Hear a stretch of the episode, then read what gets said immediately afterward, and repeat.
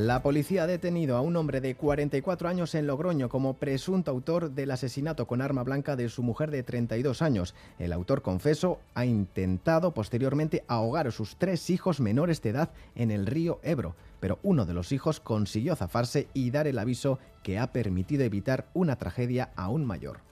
Tremendo, tremendo, tremendo. Estamos locos. Me ha llegado un mensaje de, de lo que había pasado. Pienso en, a ver en los niños, ¿no? Es la situación de, de esos niños tener que ver eso, bueno, muy triste. Me ha quedado helada porque yo también soy víctima de violencia de género y a mí mi pareja está en prisión porque me apuñaló también, iba a matar a mi hija. Deberían de, de parar esto, ¿no? De una sola vez, pararlo porque es horrible. La delegación del Gobierno en La Rioja ha convocado un minuto de silencio a mediodía para condenar este nuevo asesinato machista. Y en Pamplona, la policía ha detenido a tres personas por presuntas agresiones sexuales durante los Sanfermines por tocamientos. La alcaldesa Cristina Ibarrola no descarta una cuarta detención. Pamplona rechaza rotundamente todo tipo de, agresión sexual. tenemos que hacer labor eh, no solamente estos días y no solamente detenerlos, sino que es una labor eh, multifactorial de educación, la primera, y que la trabajaremos eh, durante todo el año como algo, como algo prioritario.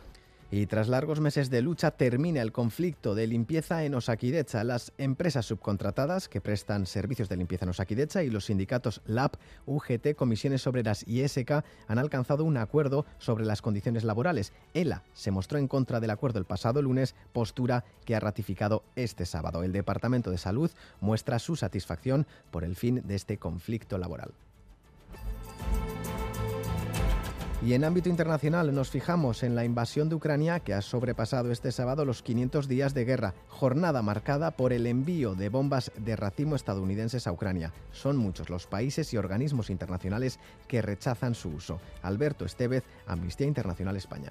Es ilegal eh, tanto porque hay un tratado que lo prohíbe, tanto su fabricación como su uso. Son tantos los países estados parte que eh, han asumido que respetan esa, esa norma, que a ti, a, país X, ¿no? Estados Unidos, China o quien sea, aunque no lo hayas hecho, eh, se te aplica por igual. ¿Qué pesa más? ¿El impacto sobre la población civil y sus derechos humanos y el derecho internacional humanitario?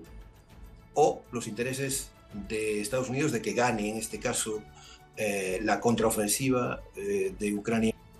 Titulares deportivos con John Zubieta, Egunon. Hola, Egunon. Empezamos por Remo. En la Bahía de la Concha, Donostiarra fue profeta en su tierra por partida doble, triunfo en hombres, de manera ajustada ante Ciervena y un poco más holgada ante Arram Lagunac. Hoy en Ciervena, segundo capítulo. En pelota, la Feria de San Fermín vivió una interesante jornada en el campeonato de parejas con el triunfo de Jaca y Aranguren ante Altuna y Rezusta por 22-18. Por cierto, Joaquín Altuna se mostró muy molesto por el ir y venir de un lado para otro sin apenas descanso. Además, en cesta, triunfo de Erquiega y Barlucea en una de las semifinales del Grand Slam de Marquina. Ganaron por 2-0 a Arbe y Lequerica. Erquiega e Ibarlucea se disputarán, disputarán la final ante Barandica y Basque. Por lo que respecta al Tour de Francia, hoy la novena etapa se acaba, termina en el Puy de Dôme. Ayer ganó Pedersen, Cavendish se vio obligado a abandonar por una caída. Mikel Landa también tuvo un percance igual.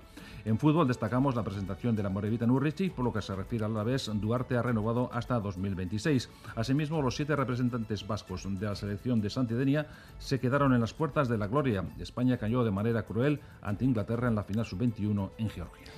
Y la previsión meteorológica de Euskalmet con Nayara Barredo de Unón. Egunon, hoy la jornada se presenta algo gris en la mitad norte, con abundantes nubes bajas y también algunas lloviznas dispersas y ocasionales. En las horas centrales del día podrían abrirse algunos claros, el ambiente podrá ser algo más claro, aunque durante la tarde volverá a aumentar la nubosidad. En Álava también tendremos algunas nubes al inicio de la jornada, pero no esperamos lluvia y además darán paso a un ambiente soleado. En el centro y sur de Navarra el cielo estará ya bastante limpio desde primera horas. En cuanto a las temperaturas máximas, esperamos un ligero descenso, pero en general se moverán entre los 25 y los 30 grados, siendo algo más altas en el sur de Navarra. Por lo tanto, hoy en la mitad norte las nubes serán mayoría en muchos momentos, sin descartar alguna llovizna, mientras que en la mitad sur el ambiente será más soleado. De la parte técnica se encargan Asier Aparicio y Jesús Malo. Son las 8 y 10 minutos.